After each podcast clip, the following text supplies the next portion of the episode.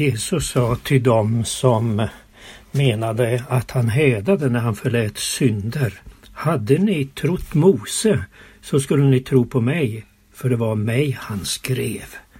Ja, Mose skrev mycket om den kommande frälsaren Messias. Och denne Messias är ingen mindre än Guds son. Så när Jesus förlåter synder så är det verkligen Gud som förlåter. Det är ingen hädelse. Mose talade ofta om en Herrens ängel och det var sonen, Herrens särskilt utsände, som uppenbarade sig. Han uppenbarade sig till Mose i den brinnande busken. Han ledde folket ut ur Egypten. Han var en verklig frälsare. Men eh, Mose talar också om att denne evige son, han ska också bli människa. Han ska som ställföreträdare inte bara vara Guds son utan också en sann människa. Och han säger i det artonde kapitlet i femte Mosebok en profet lik mig ska din Gud låta uppstå åt dig bland ditt folk från dina bröder. Honom ska ni lyssna till. Det här talet höll Mose i det fyrtionde året av ökenvandringen. Han talar till Israels barn allt det som Herren hade befallt honom att säga till dem. Och här säger han då att en profet lik mig ska din Gud låta uppstå åt dig. Mose var eh, en profet mer än alla andra profeter. Andra profeter fick syner och drömmar från Gud, men Mose var så nära Gud att de talade nära varandra. Dock fick inte Mose se Guds ansikte, så helig och rättfärdig är han. Men sonen är Guds sanna ansikte och han skulle vara lik Mose och han skulle komma. Han skulle eh, tala Herrens ord så att inte folket eh, skulle behöva darra och gå under för ingen kan se Gud och, och leva, står det så helig är han. Men Messias, den kommande eh, frälsaren, han skulle vara eh, den som gjorde att folket inte gick under. Han skulle Eh, honom skulle man lyssna till. Lyssna till honom. Lyssna inte till falska profeter. Lyssna till min Messias. David talar om frälsaren som skulle komma.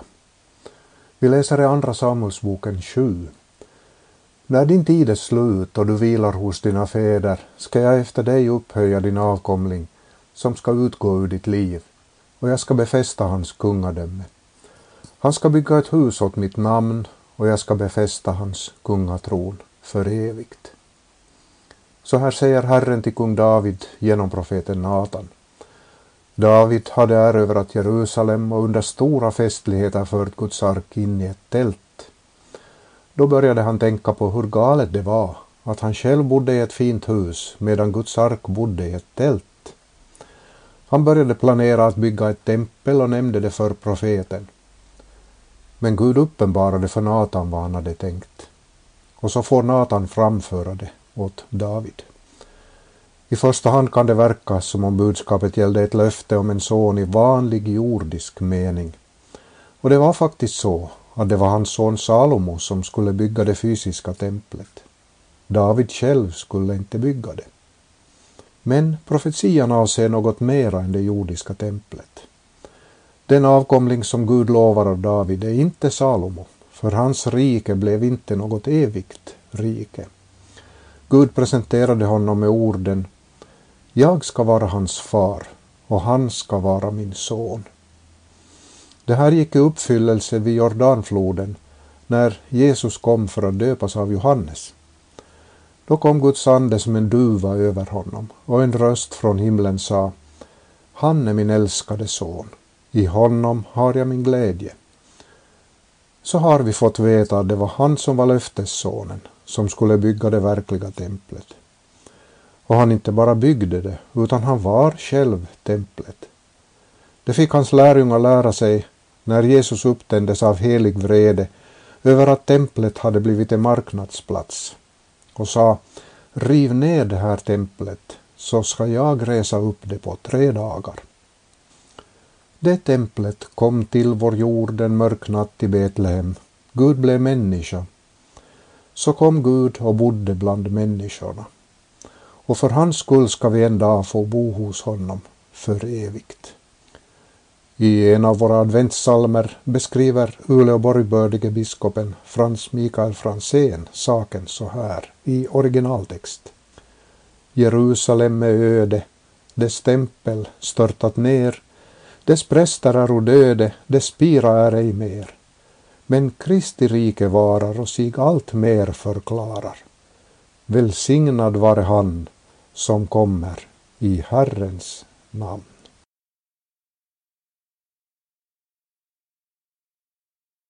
Jesaja 9, 6-7 för ett barn blir oss fött, en son blir oss given. På hans axlar vilar herradömet och hans namn är Under. Rådgivare, mäktig Gud, evig far, fridsförste. Så ska herradömet bli stort och friden utan slut över Davids tron och hans rike. Det ska befästas och stödjas med rätt och rättfärdighet från nu och till evig tid. Herren, Sebaots lidelse, ska göra detta. Detta barn som bär namnet mäktig Gud, evig fader, föddes till världen av jungfru Maria. Gud och människa förenad i en person, Jesus. Inte en del människa och en del Gud. Utan 100% människa och 100% Gud. Guds löfte som gavs till våra första föräldrar gick i uppfyllelse. Men varför? För oss har barnet blivit fött. Till oss har sonen blivit given. Vi är mottagare av denne fridsförste.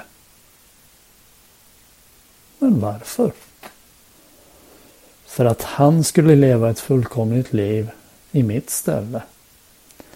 För att han som min ställföreträdare skulle ta straffet för mina synder. Och inte bara för mina, utan hela världens synd blir lagd på honom. Guds sons blod tvättar bort hela världens synd. Men varför? För att jag helt av nåd ska kunna träda fram inför Gud Fadern och bli förd till det himmelska hemmet. Där jag och alla troende ska leva i evighet framför Faderns ansikte. Och detta gjorde Gud medan jag var död i mina överträdelser. Den helige Ande gjorde mig till Jesu lärjunge så att jag får ärva Jesu rättfärdighet som om den vore min egen och därmed få frid med Gud. Det är ett under att denne rådgivare, mäktig Gud, evig fader, fridsförste, kom till världen för min skull. Allt är färdigt. Allt är fullbordat. Käre himmelske Fader. I Daniels bok kapittel 7 vers 13 läser vi Jag så i mina nattsyner, och se, med himmelens skyer kom en som var lik en menneskesønn. Han gick bort mot den som var gammal av dagar och blev fört fram för ham. Det var Messias, profeten Daniel fick se, en som var lik en menneskesønn. Og Jesus brukte derfor ofte tittelen Menneskesønnen, en tittel som er veldig bemerkelsesverdig og spennende og underfull, fordi Han er jo den evige Gud, som har blitt en menneskesønn. Han sa, Menneskesønnen har makt på jorden til å tilgi synder. Og det er fordi han er Gud. Om noen uker skal vi igjen feire det store underet at da tiden var inne, ble Guds evige og allmektige Sønn født som menneske av en kvinne her på jord. Jomfru Maria ble Guds mor. Frelseren måtte være et sant menneske av kjøtt og blod som oss för att bli vår stedförträdare som levde ett hellig och rättfärdigt liv för oss. Menneskesønnen var kommet for å tjene og gi sitt liv som løsepenge for oss og kjøpe oss fri fra synd, død og djevel.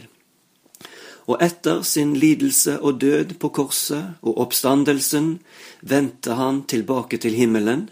En sky skjulte han for vennene hans. Menneskesønnen ble ført fram for Gud sin far og satte seg ved hans høyre side. Og der ber han for oss og er vår forsvarsadvokat og konge i dag. Han er med oss alle dager, midt i den urolige tiden vi lever i. All makt i himmel og på jord har Han, vår bror og frelser, som regjerer. Derfor behøver vi aldri å være redde. Uansett vad som skjer og hvem som sitter som president eller statsminister i de jordiske rikene. Og en dag skal han komme tilbake synligt på himmelens skyer og holde dom og hente alle sine troende hjem. Menneskesønnen skal da føre oss fram for Faderen, og vi skal få leve med Han for alltid i Hans evige rike. Lyse, herlige framtidsutsikter har vi. Gud være takk og lov.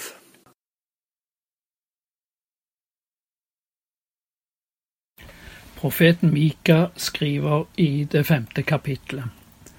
Men du, Betlehem Efrata, som er liten til å være blant Judas tusener. Fra deg skal det utgå for meg en som skal være hersker over Israel. Hans utgang er fra gammel tid, fra evighetsdager. Amen. Ja, her taler Gud til Betlehem, Betlehem i Judaland, en liten del av Judas stamme.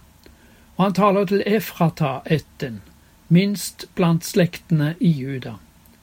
I denne lille byen og fra denne ubetydelige ætten skulle Messias bli født, og det på en tid som var mørk og vanskelig, en tid da fiendene oppholdt seg i landet og hersket over folket med hard hånd.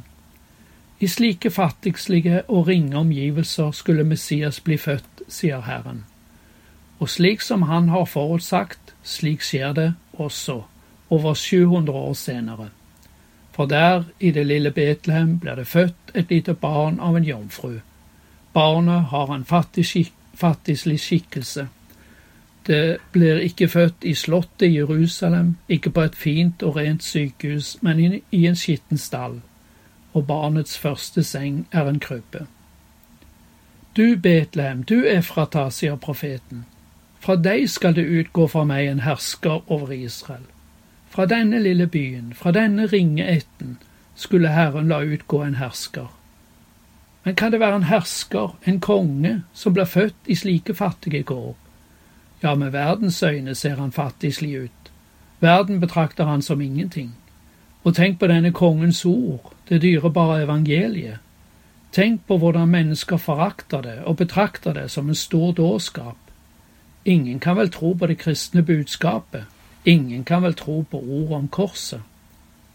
Så også i dag kommer han i en fattigslig skikkelse. Det naturlige mennesket finner ingenting hos ham som de kan ha behag i.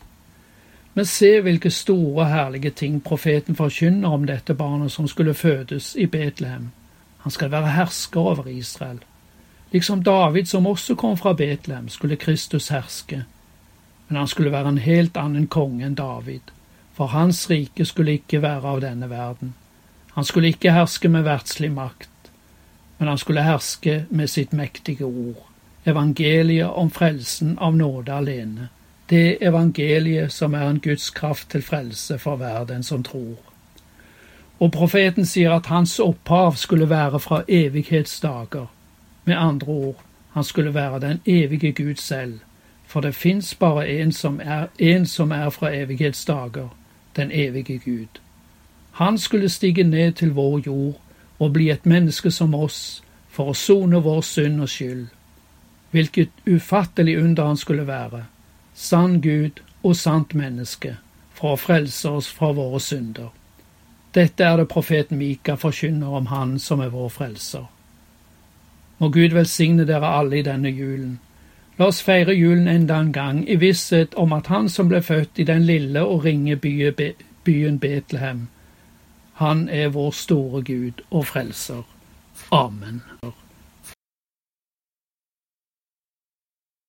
Mina bröder i Biblikums styrelse har nu i varje andakt visat att inledningsorden till Hebreerbrevets första kapitel är sanna. I forna tider talade Gud många gånger och på många sätt till fäderna genom profeterna. Och vidare läser vi i tron dog alla dessa utan att ha fått det som var utlovat. Men de hade sett det i fjärran, hälsat och bekänt sig vara gäster och främlingar på jorden. Vad var det som de hade sett? Precis det som Simon i templet får se 40 dagar efter att barnet var fött. Han fick hålla det lilla barnet i famnen och ropa ut Israels frälsning. Men profeterna fick vänta eftersom du som lyssnar också skulle få del av detta stora under. Och nu säger han genom Hebreerbrevsförfattaren och nu har han talat också genom sin son. Vi har kommit fram till en av de sista profeterna i Gamla testamentet, Sakarja. Han var en prövad man som efter fångenskapen i Babel fick vända tillbaka till Jerusalem för att hjälpa till att bygga upp det nerrivna templet.